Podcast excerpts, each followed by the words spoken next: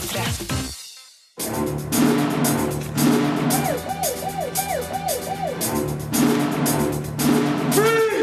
Filmpolitiet! What's your name, dude? Birger Vestmo.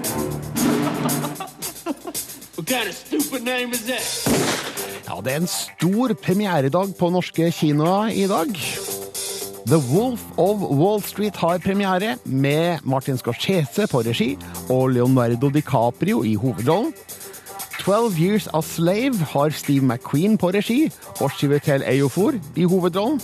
Mens Søvngjengeren har Mona Fastvold på regi, og Gitte Witt og Christopher Abbott i to av de viktigste rollene foran kamera. Alle tre skal anmeldes i dagens utgave av Filmpolitiet, der Sondre Lerche skal fortelle om musikken han og Cato Odland har laga til Søvngjengeren, og du får høre om seks nye spennende norske filmer som er på vei. Filmpolitiet anmelder film. My name is Jordan Belfort. The year I turned 26, I made $49 million, which really pissed me off because it was three shy of a million a week. The Wolf of Wall Street er en lang film, men tre timer er ikke langt når det er Martin Scorsese og Leonardo DiCaprio som står for underholdninga. Riktignok har jeg følelsen av å ha sett historien før. Filmens egen referanse til en viss Gordon Gekko tilkjennegir elefanten i rommet. Har man sett en aksjemeglerfilm, har man på en måte sett all. Men denne skildringa av narkofylt pengejag i New Yorks børsmiljø er full av morsom dekadanse og treffende personkarakteristikker.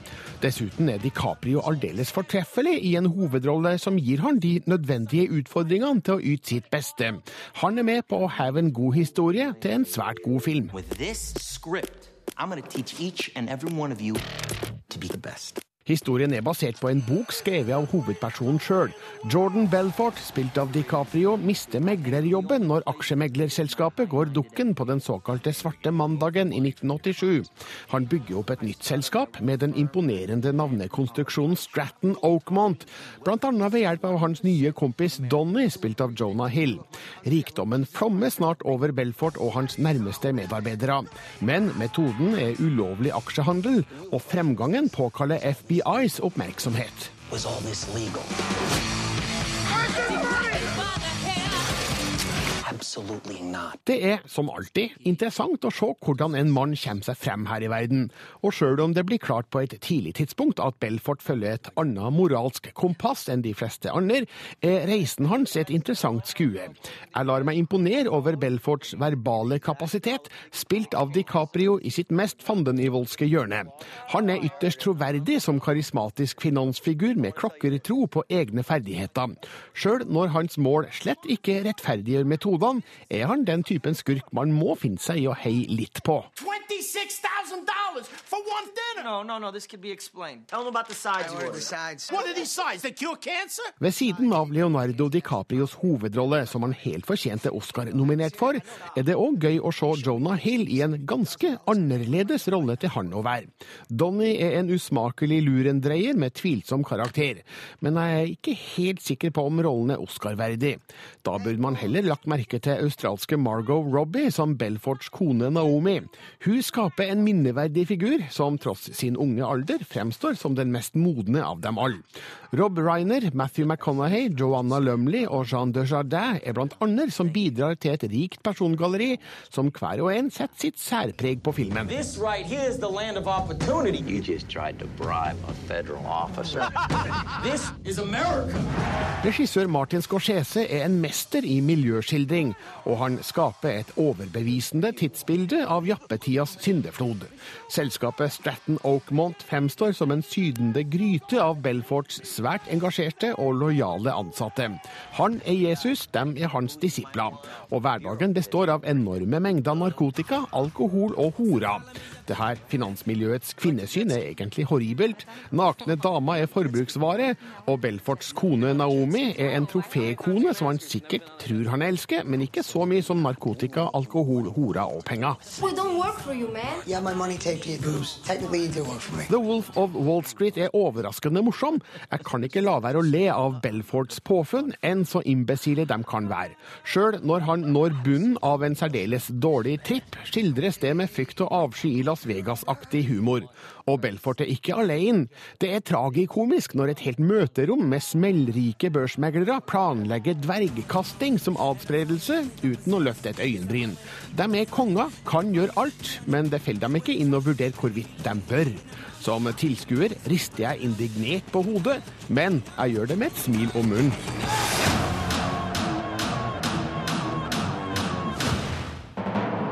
Terningkast fem.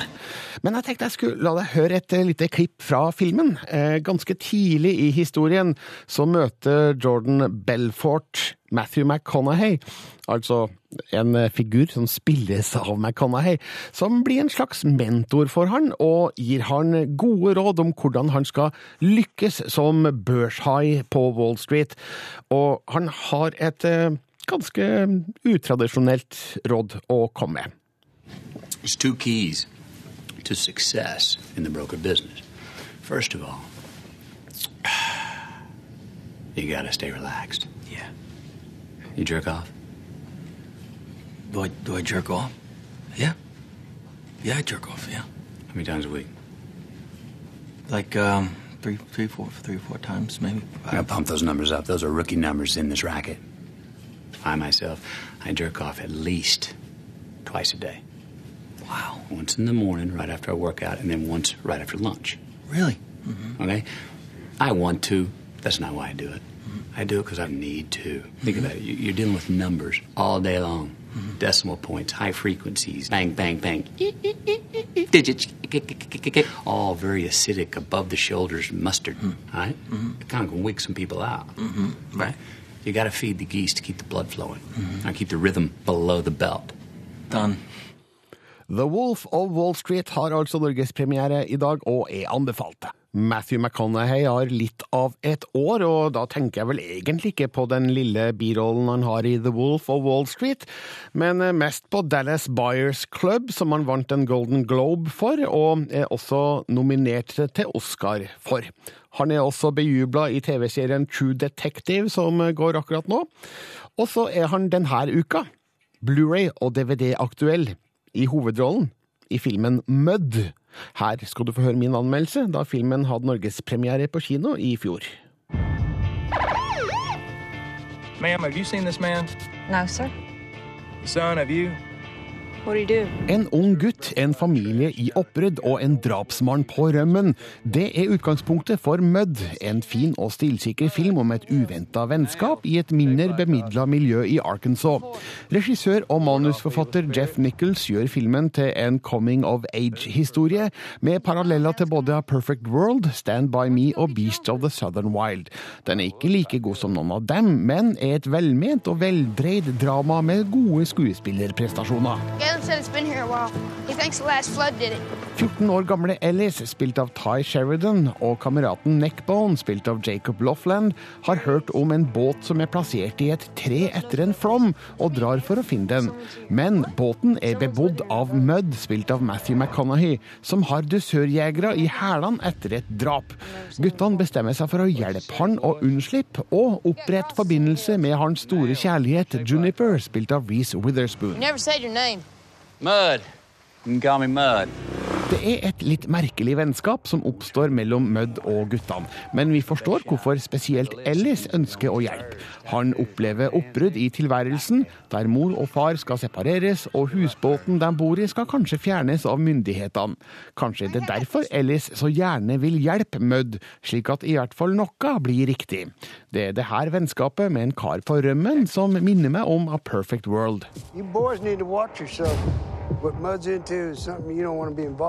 Filmen har en særegen stemning med sin spesielle miljøskildring av fastboende båtfolk på ei elv i Arkansas. Det gamle livet krasjer med det moderne samfunn og står i fare for å utryddes, noe som får tankene over på Beasts of the Southern Wild. Og guttenes pakt om å fullføre et sommerlig oppdrag de strengt tatt er for unge til å utføre, bringer minner om Stand By Me. Det er ikke de verste filmene å ligne på, sjøl om Mudd ikke når helt de samme emosjonelle different. Ellis virker litt for gammel til å være så naiv som han er i perioder av filmen, og Mudd spilles litt for hyggelig av McConaughey til at jeg helt tror på at han virkelig vil dra guttene inn i sin farlige plan. Men historien er sympatisk, skuespillerne gode, og regien er stø. Den har òg en sterk finale, med bl.a. Sam Shepherd i en sentral rolle. Dermed blir det her mer enn nok severdig. It's a hell of a thing, ain't it? It's a hell of a thing. Terningkast fire. Mudd er altså fersk på Blu-ray og DVD denne uka. Filmpolitiet presenterer Seks nye norske filmprosjekter fikk produksjonstilskudd fra Norsk Filminstitutt i går. Regissør, regissør heter det, Arild Frølich skal lage den andre Doktor Proktor-filmen, før den første har hatt premiere. Toeren skal hete Doktor Proktors tidsbadekar, og er basert på den andre boka i Jo Nesbøs barnebokserie. 16,3 millioner er spytta inn fra NFI her. Frølich har òg regien på Doktor Proktors prompepulver, som har premiere 14. mars. Julekongen full rustning er en annen barnefilm som fikk ni millioner i tilskudd. Dette blir en kinooppfølger av NRKs julekalender fra 2012, der familien Gran må bekjempe ondskapen i Ridderdalen og redde den avlyste jula. Tale Persen regisserte TV-serien, nå får hun debutere som spillefilmregissør, mens Harald Rosenløv Eeg har skrevet manus. Han har òg skrevet manuset til Kongens nei, sammen med Jan Trygve Røyneland, basert på Alf R. Jacobsens bok. Erik Poppe skal regissere historien om kong Haakons dramatiske flukt og vanskelige valg da nazistene invaderte Norge i april 1940. Dette prosjektet har fått 13,2 millioner kroner i støtte. Erik Skjoldbjerg har fått 12,8 mill. i tilskudd for å filmatisere Gaute Heivolds roman Før jeg brenner ned.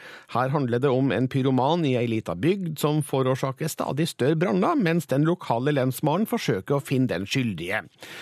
Etter flere gode kortfilmer skal regissør Charlotte Blom forsøke seg på langfilm. Staying Alive handler om å komme seg på beina etter et vondt brudd.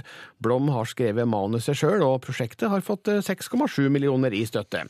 Den siste filmen, som fikk tilskudd fra Norsk Filminstitutt i går, var Dukken i taket, som skal regisseres av Kjersti G. Steinsbø. Denne filmen skal handle om Rebekka, som drar til ei bygd på Vestlandet for å hevne seg på søsteras overgrepsmann. Steinsbø har skrevet manuset sjøl, basert på Ingvar Ambjørnsens roman, og har fått 6,5 mill. i støtte. Samtlige av her filmprosjektene høres spennende ut, syns jeg, så det her kaller jeg vel anvendte skattepenger. Regissør David O. Russell og skuespiller Jennifer Lawrence har gjort prisvinnende suksess med sine to første samarbeid, Silver Linings Playbook og American Hustle. Nå er Russell interessert i å filmatisere Mother of Invention med nettopp Jennifer Lawrence i hovedrollen. Den skal fortelle den sanne historien om den fattige alenemora Joy Mangano i New York som sliter seg gjennom tilværelsen og kjemper mot alle odds med sin nye oppfinnelse. Prosjektet skal være helt i startfasen, og ingenting er avgjort her, men siden Russells to første samarbeid med Lawrence begge resulterte i Oscar-nominasjoner, og én seier til nå for dem begge, antar jeg at sjansene for et nytt samarbeid er rimelig store. Jerry Seinfeld bekrefter en slags Seinfeld-gjenforening. Han ble nemlig fotografert sammen med Jason Alexander, som spilte George i TV-serien, og stedet var utafor Toms, Toms Restaurant i New York, som var en gjenganger i serien fra 1989 til 1998.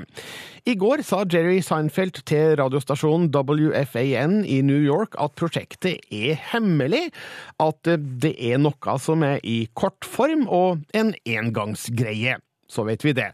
Min teori? De har filma noe til en forestående Blu-ray-utgivelse av serien. Et format der Seinfeld foreløpig har glimra med sitt fravær. Tilbake til fremtiden. Ja, nå kommer det. Tilbake til fremtiden med Michael J. Fox ble en gigantsuksess i 1985. Nå skal filmen bli en musikal i Londons West End. Filmens produsent Bob Gale offentliggjorde nyheten på filmens offisielle nettsted, bttf.com. bttf.com blir det vel, der han skriver at både han og regissør Robert Zemeckis deltar i utviklinga av musikalen. Den originale filmkomponisten Alan Silvestri skriver ny musikk, og det skal òg brukes låter fra Huey Lewis and The News fra filmen.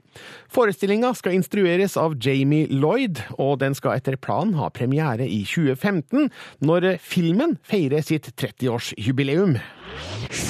Filmpolitiet anmelder film.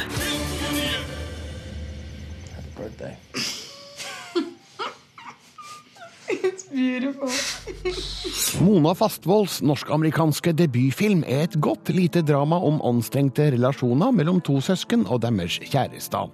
Noen av figurene har en mystisk fortid som holder på min nysgjerrighet. Filmen lar meg undre over hvordan alt henger sammen, samtidig som nerven blir stadig mer foruroligende.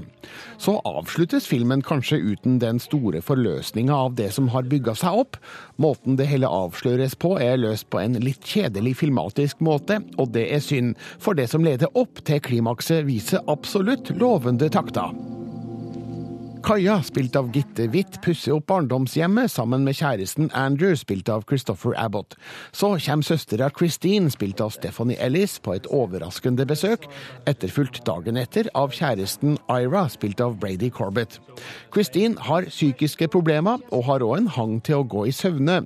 Situasjonen blir etter hvert trykkende, samtidig som ting fra søstrenes fortid er i ferd med å bryte overflata.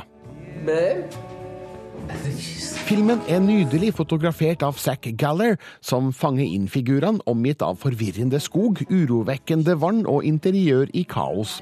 Filmens gode produksjonsdesign formidler effektivt at det her er en historie med vonde undertoner.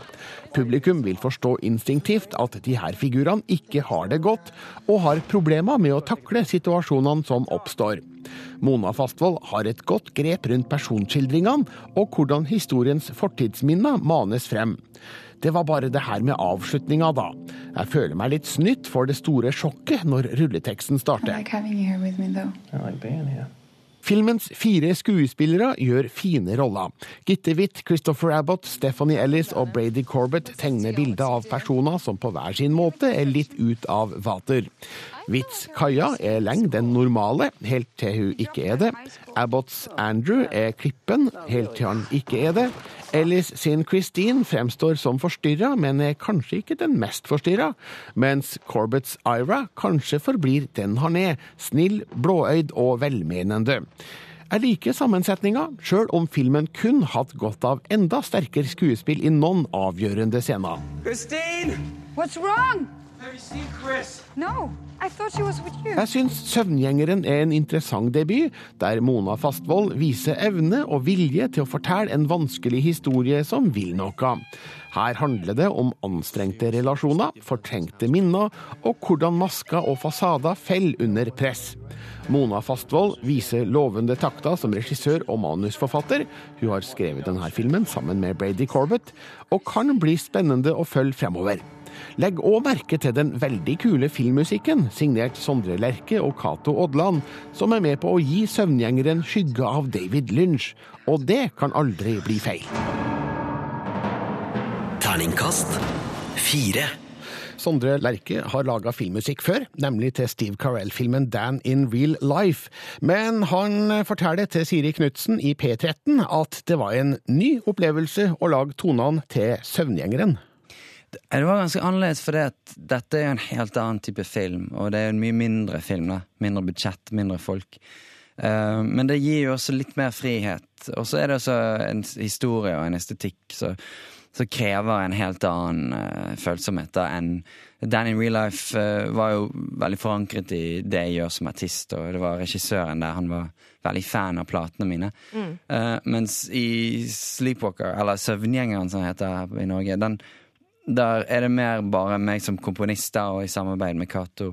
Uh, der er jeg mye mer usynlig som artist, og det er litt befriende. Og det er de færreste av de stykkene vi har laget til filmen som eh, kan fremføres på en scene, og, det meste er jo instrumental, uh, ganske abstrakt musikk, liksom. Mm.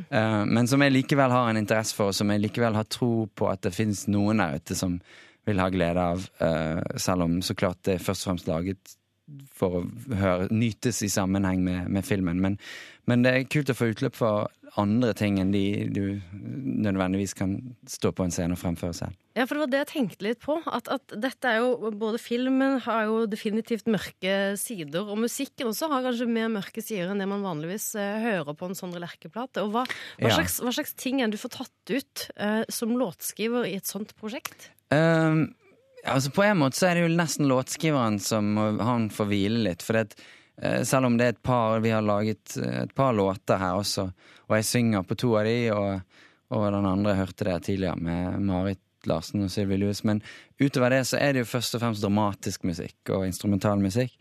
Og da ja, er det en del sånn tendenser jeg har merket i meg selv som har vært vanskelig å, å finne liksom en organisk plass for i, pla, i popplatene. Mm. Uh, som liksom ambient musikk og eh, minimalistisk eh, kontemporær musikk. Jeg vet ikke engang hva alle, alle disse greiene heter, da, men jeg har hørt mye på, på en del musikk som ikke, som ikke låtskriveren nødvendigvis har så mye utbytte av, men, men som er likevel bra for hjertet og sjelen og hodet og alt sånn. Og da å kunne ha en film og på en måte kaste ut alle de ideene i, er veldig Veldig bra, så fremt så klart det kler filmen, og det, har- det har de jo gjort i denne sammenheng. Så eh, det, det er en film der musikken får veldig stor plass. da. Mm. Så musikken har veldig ansvar, også i forhold til at vi leker hele tiden med, med på en måte mistanke og, og forventning. Altså det, Man setter en ganske ubehagelig tone som, som gjør at publikum forhåpentligvis stiller spørsmål ved alt som skjer.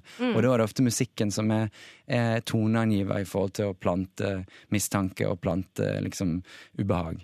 Ja, som du sier, altså Musikken har eh, et stort ansvar i filmen. Og da Ja. lurer jeg på, fordi at det er jo din ekskone Mona Fastvold som har regissert filmen. Yep. Fikk du helt frie tøyler, eller klarte hun liksom å, å, å, klarte hun ikke å la være å blande seg innimellom i musikken? Du, altså Jeg hadde ganske frie tøyler. Altså, så klart, hun må jo eh, Det er hun som approver det og godkjenner det.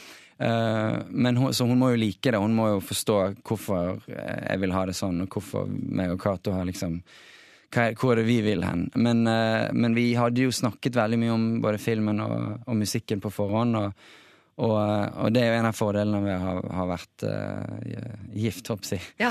at man kjenner hverandre veldig godt, da, på Ja. godt og vondt. Så, så sånn sett så, så var det veldig uproblematisk. Vi bare eh, vi jobbet parallelt i studio med at de filmet filmen i Massachusetts. Så vi sendte hele tiden nye ting til de, og så fikk vi bilder tilbake.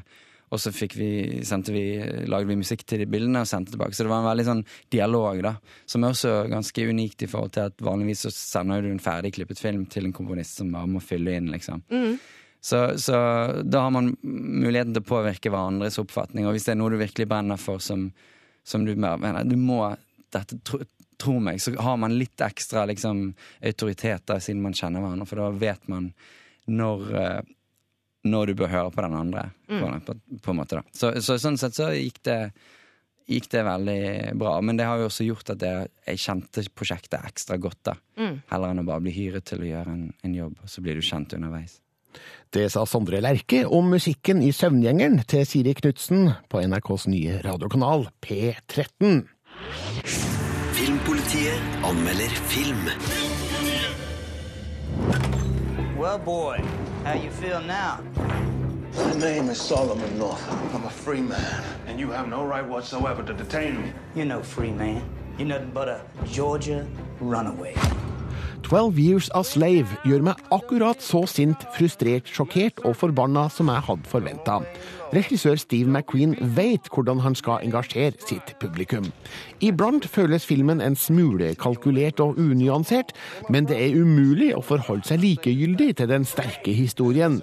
Og til Ejofors hovedrolle er litt av en opplevelse. Han gjør en enorm prestasjon, som er med på å gjøre 12 Years a Slave til et kruttsterkt drama. Days ago, I was with my family in my home. Now you tell me all is lost. Filmen er basert på den sanne historien om afroamerikanske Solomon Northup, spilt av Eofor, en fri mann i slavetidas USA. Han lever et lykkelig familieliv i New York, men kidnappes under en reise til Washington og selges til slavearbeid i Georgia. Her blir han utsatt for flere harde slaveeiere, mens han stadig håper på en vei ut. Men årene går, og nå tilhører han den tøffe plantasjeeieren Epps, spilt av Michael Fassbender, som tyr til ekstreme midler for å holde sine slaver i sjakk. Went down to the river Jordan. And that servant that don't obey his Lord shall be beaten with many stripes. Siden filmen heter 'Twelve Years a Slave' og er basert på boka skrevet av Solomon Northup sjøl, er utfallet kanskje ikke så overraskende. Men hans opplevelser i fangenskap er dømt til å gjøre stort inntrykk. Menneskesynet vi blir vitne til, er hinsides vanvittig. Det gjør spesielt vondt å være vitne til skjebnen til Patsy, hjerteskjærende godt spilt av Lupita Nyongo. Samtidig syns jeg at historien er i overkant sort-hvit. All hvite er med få unntak sleipe, kalde og brutale psykopater som snøvler frem sine fornærmelser. All svarte er med få unntak edle, noble og verdige individer som snakker med et nærmest shakespearsk ordforråd. Jeg får inntrykk av at McQueen og manusforfatter John Ridley har skrudd til litt ekstra for å tydeliggjøre frontene, noe som strengt tatt kanskje var unødvendig. Men det virker. Fassbenders figur blir et svært effektivt hatobjekt i denne filmen. Master, come here! I brought her back just like you. Come here! Master! Skal jeg sette fingeren på noe mer, må det være at filmens tidsoppfatning er en smule forvirrende. Ifølge tittelen tilbringer Solomon Northup tolv år i fangenskap, men det virker av en eller annen grunn så mye kortere. Historien er sjølsagt konsentrert rundt de mest dramatiske begivenhetene. Slik måtte det kanskje bli når tolv år skulle bli til to timer. 'Twelve Years a Slave' har òg mange av de samme velkjente elementene i seg som andre slavefilmer satt til USAs sørstater på 1800-tallet, som 'Django Unchained', 'Purpurfargen' og 'Røtter'. Men den er uhyre sterk, og Chivetel Eyofors hovedrolle er verdt inngangsbilletten alene. The condition of your laborers, it's all wrong. They're my property. You say that with pride. I say it as fact. Speak! Man does how he pleases with his property. 'Twelve Years a Slave' kun har blitt fortalt som storslått drama med hjerte og smerte, men siden regissøren er Steve McQueen, mannen bak 'Hunger' og 'Shame', blir det ikke slik. Sammen med fotografen Sean Bobbitt går han ubehagelig tett innpå figurer og situasjoner. Torturen av slaver viser med all tydelighet hva en pisk kan utrette. Den stadige undertrykkelsen lyser i ansiktene til resignerte slaver. Sjøl skovlene på en hjuldamper blir et forstyrrende og urovekkende element for øynene mine. Historien er et virkelig mareritt, og er virkningsfullt billedlagt deretter. I will survive. I will not fall into despair. I will keep myself hardy till freedom is opportune. Terningkast fem. Her skal du få høre et klipp fra filmen som beskriver to ting jeg var inn på i anmeldelsen min. Du får høre hvordan to av figurene uttrykker seg så pent og lyrisk at det, det kan virke direkte teatralsk. Men du kan òg høre hvor intens Chivetel Eyofor spiller sin hovedrolle, som han er Oscar-nominert for. Scenen foregår ganske tidlig i filmen, etter at Solomon Northup er kidnappa og solgt som slave under navnet Platt. Han er eid av en forholdsvis snill plantasjeeier, for øvrig spilt av Benedicte Cumberbatch, og sitter utafor rønna slavene bor i. Her kommer han i diskusjon med en gråtende Eliza, spilt av Adepero Odoye, som òg er kidnappa og adskilt fra sine barn. Eliza. Stop! Stop, you're wailing. You let yourself be overcome by sorrow, you will drown in it. Have you stopped crying for your children? You make no sounds, but will you ever let them go in your heart? They are as my flesh. Then who is distressed? Do I upset the master and the mistress? Do you care less about my loss than, than their well-being? Master Ford is a decent man. He is a slaver. Under the circumstances. Under the circumstances, he's a slaver. But you truckle at his boot. No. You luxuriate in his favor. I survive. I will not fall into despair. I will offer up my talents to Master Ford. I will keep myself hardy till freedom is opportune. Oh, Ford is your opportunity. You think he does not know that you are more than you suggest, but he does nothing for you. Nothing. You are no better than prized livestock. Call for him. Call. Tell him of your previous circumstances and see what it earns you, Solomon. So you settle into your role as Platt then? My back is thick with scars for protesting my freedom. Do not accuse me. I, I accuse you of nothing. I cannot accuse. I have done dishonorable things to survive, and for all of them, I have ended up here. No better than if I had stood up for myself. God, forgive me. Solomon, let me weep for my children. Du hørte Adepero Odøye og skive til Eofor i en scene fra 12 Years a Slave, som har premiere i dag. Du finner anmeldelsen min på p3.no filmpolitiet. Denne uka kom filmen John John ut på Blu-ray og DVD, som Joseph Gordon-Levitt spiller hovedrollen i. Og da filmanmelder Marte Hedenstad kom i studio hos meg i oktober i fjor, så avslørte hun at hun har veldig stor sans for Joseph Gordon-Levitt. Filmpolitiet anmelder film. Ja, jeg har veldig stor sans for han. Ja. Eh, Han er en eh, person det er verdt å følge med på i Hollywood om dagen. Eh, og nå tydeligvis også som regissør, og også manusforfatter for denne filmen, Don John. Hva, hva er det her for en film? Det er en film som handler om John, en bartender som rett og slett er avhengig av porno. Han mener at porno er bedre enn virkelig sex, og sliter av med det her i forholdet han har med Scarlett Johansson, eh, som spiller den utrolig heite Barbara i denne filmen. Um, og jeg var litt sånn skeptisk på forhånd eh, til Don John, fordi jeg trodde at eh, det kanskje ville bli en litt sånn eh, eh, liksom billig måte å, å provosere folk på, da, med liksom bilder av pornografi på kinolerretet. Ja. Men eh, det her er absolutt mye mer eh, enn eh, det. Ja, altså ikke spekulativt. Eh, nei, altså det, det er jo en del sånne flash av eh, porno, rett og slett. Eh, vi får se her når Don John eh, sitter foran eh, ja, eh, internettskjermen sin og koser seg. Men Koser seg? Ja, han koser seg jo til porno, vet du, Birger. Ja, nettopp. vet, ja. Eh, Men vi går litt dypere inn i materien her, fordi filmen setter fokus på at det faktisk er folk som er avhengig av porno, og at det ikke alltid er like sunt, da, det type seksualitet, det, det bildet pornografien har på seksualitet eh, og sex. Eh, Så jeg var litt sånn usikker på forhånd, men når jeg ser den nå, så ser jeg at det er mye, mye mer dypere greier her, og etter hvert i filmen så møter også Don John en eldre dame som lærer han litt om hvordan eh, sex og elskov virkelig bør være. Baby, What are you doing? I was just reading email. No, you weren't. She caught me watching porn. That's it? Right? Oh! How do you watch that? How do you watch all the stupid movies that you watch? Movies and porno are different, John. They give awards for movies. They give awards for porn too. Du har altså Joseph Gordon-Levitt, Ja. som spiller en fyr som heller vil sitte foran eh, dataskjermen og se Ja. porno, enn å ha seg med Scarlett Eh, Johansson. Nei, altså, han vil veldig gjerne ha seg med Scarlett Johansson også, eh, så han, han har mye sex, men han må på en måte gå og ha seg med internett etterpå. Da. Han vil ha mm, mye mer av porno. Han syns det er bedre med porno enn virkelig sex, men Ja. det er selvfølgelig et problem. Med Scarlett problem. Johansson.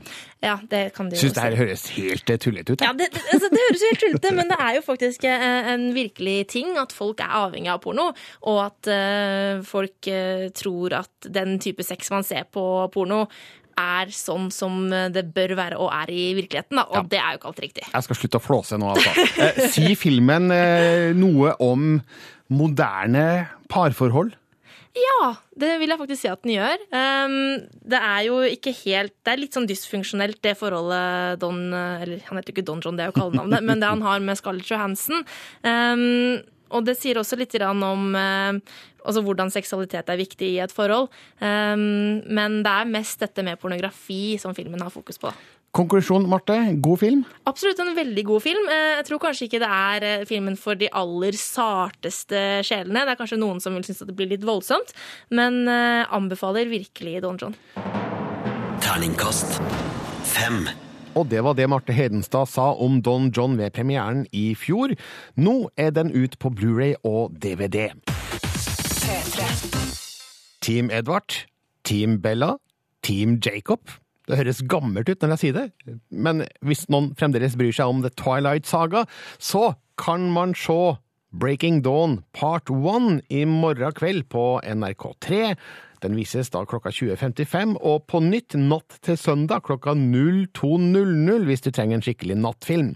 Men er The Twilight Saga Breaking Dawn Part 1 verdt å se? Her får du anmeldelsen min fra november 2011.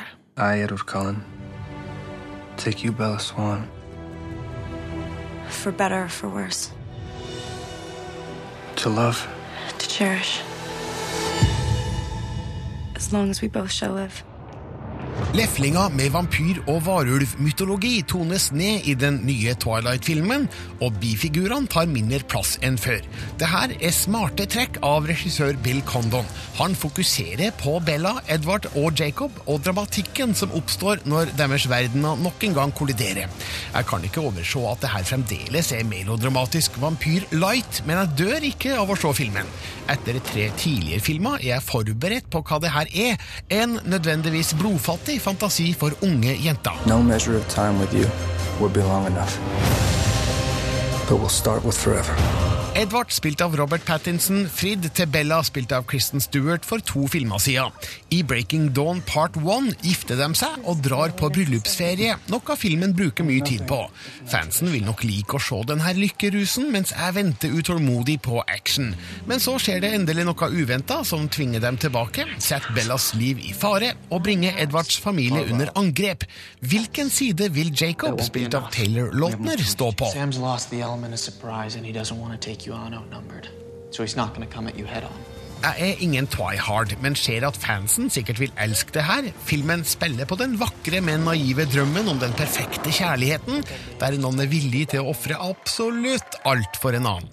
Denne historien gjør det uten å gjøre det for klissete og kleint, bare litt. Jeg føler òg at figurene virkelig har noe å tape her. Det står bokstavelig talt om liv og død, og litt mer enn før. It's too strong and fast growing. Det merkes at serien nå bruker en regissør som er god til å instruere skuespillere. Bill Condon har tidligere regissert de Oscar-nominerte filmene Gods and Monsters, Kinsey og Dreamgirls. Verken Kristen Stewart, Robert Pattinson eller Taylor Lautner kan vente seg Oscar-nominasjoner, men jeg føler de har bedre grep på figurene sine. Denne gangen poserer de ikke så mye som de av og til har gjort før, og blottlegger sine følelser mer naturlig og troverdig. Unntatt låten er da. Han er fortapt, dessverre. You did this. Bella, you're the enemy now. The tribe won't hesitate. You will be slaughtered. Jeg har begynt å avfinne meg med at seriens overnaturlige elementer skildres med tanke på et ungt publikum. Skrekken er slapp, og sexscenene du kanskje har lest eller hørt om, de er fryktelig snille. Aldersgrensa er 11 år. Det her er altså den første av to Breaking Dawn-filmer. Slutten av film 1 signaliserer hva problemstillinga vil være i film 2. Kvaliteten er helt grei, og jeg ser faktisk litt frem til avslutninga. They have something I want. Det var min anmeldelse fra 2011, og da fikk filmen Terningkast fire. I morgen kan du altså se Breaking Dawn Part 1 på NRK3 klokka 20.55 og natt til søndag klokka 02.00. Da er Filmpolitiet faktisk over. Jeg heter Birger Vestmo. Ha en god helg. Filmpolitiet. Does that sound good to you? På P3. Hør flere podkaster på nrk.no podkast.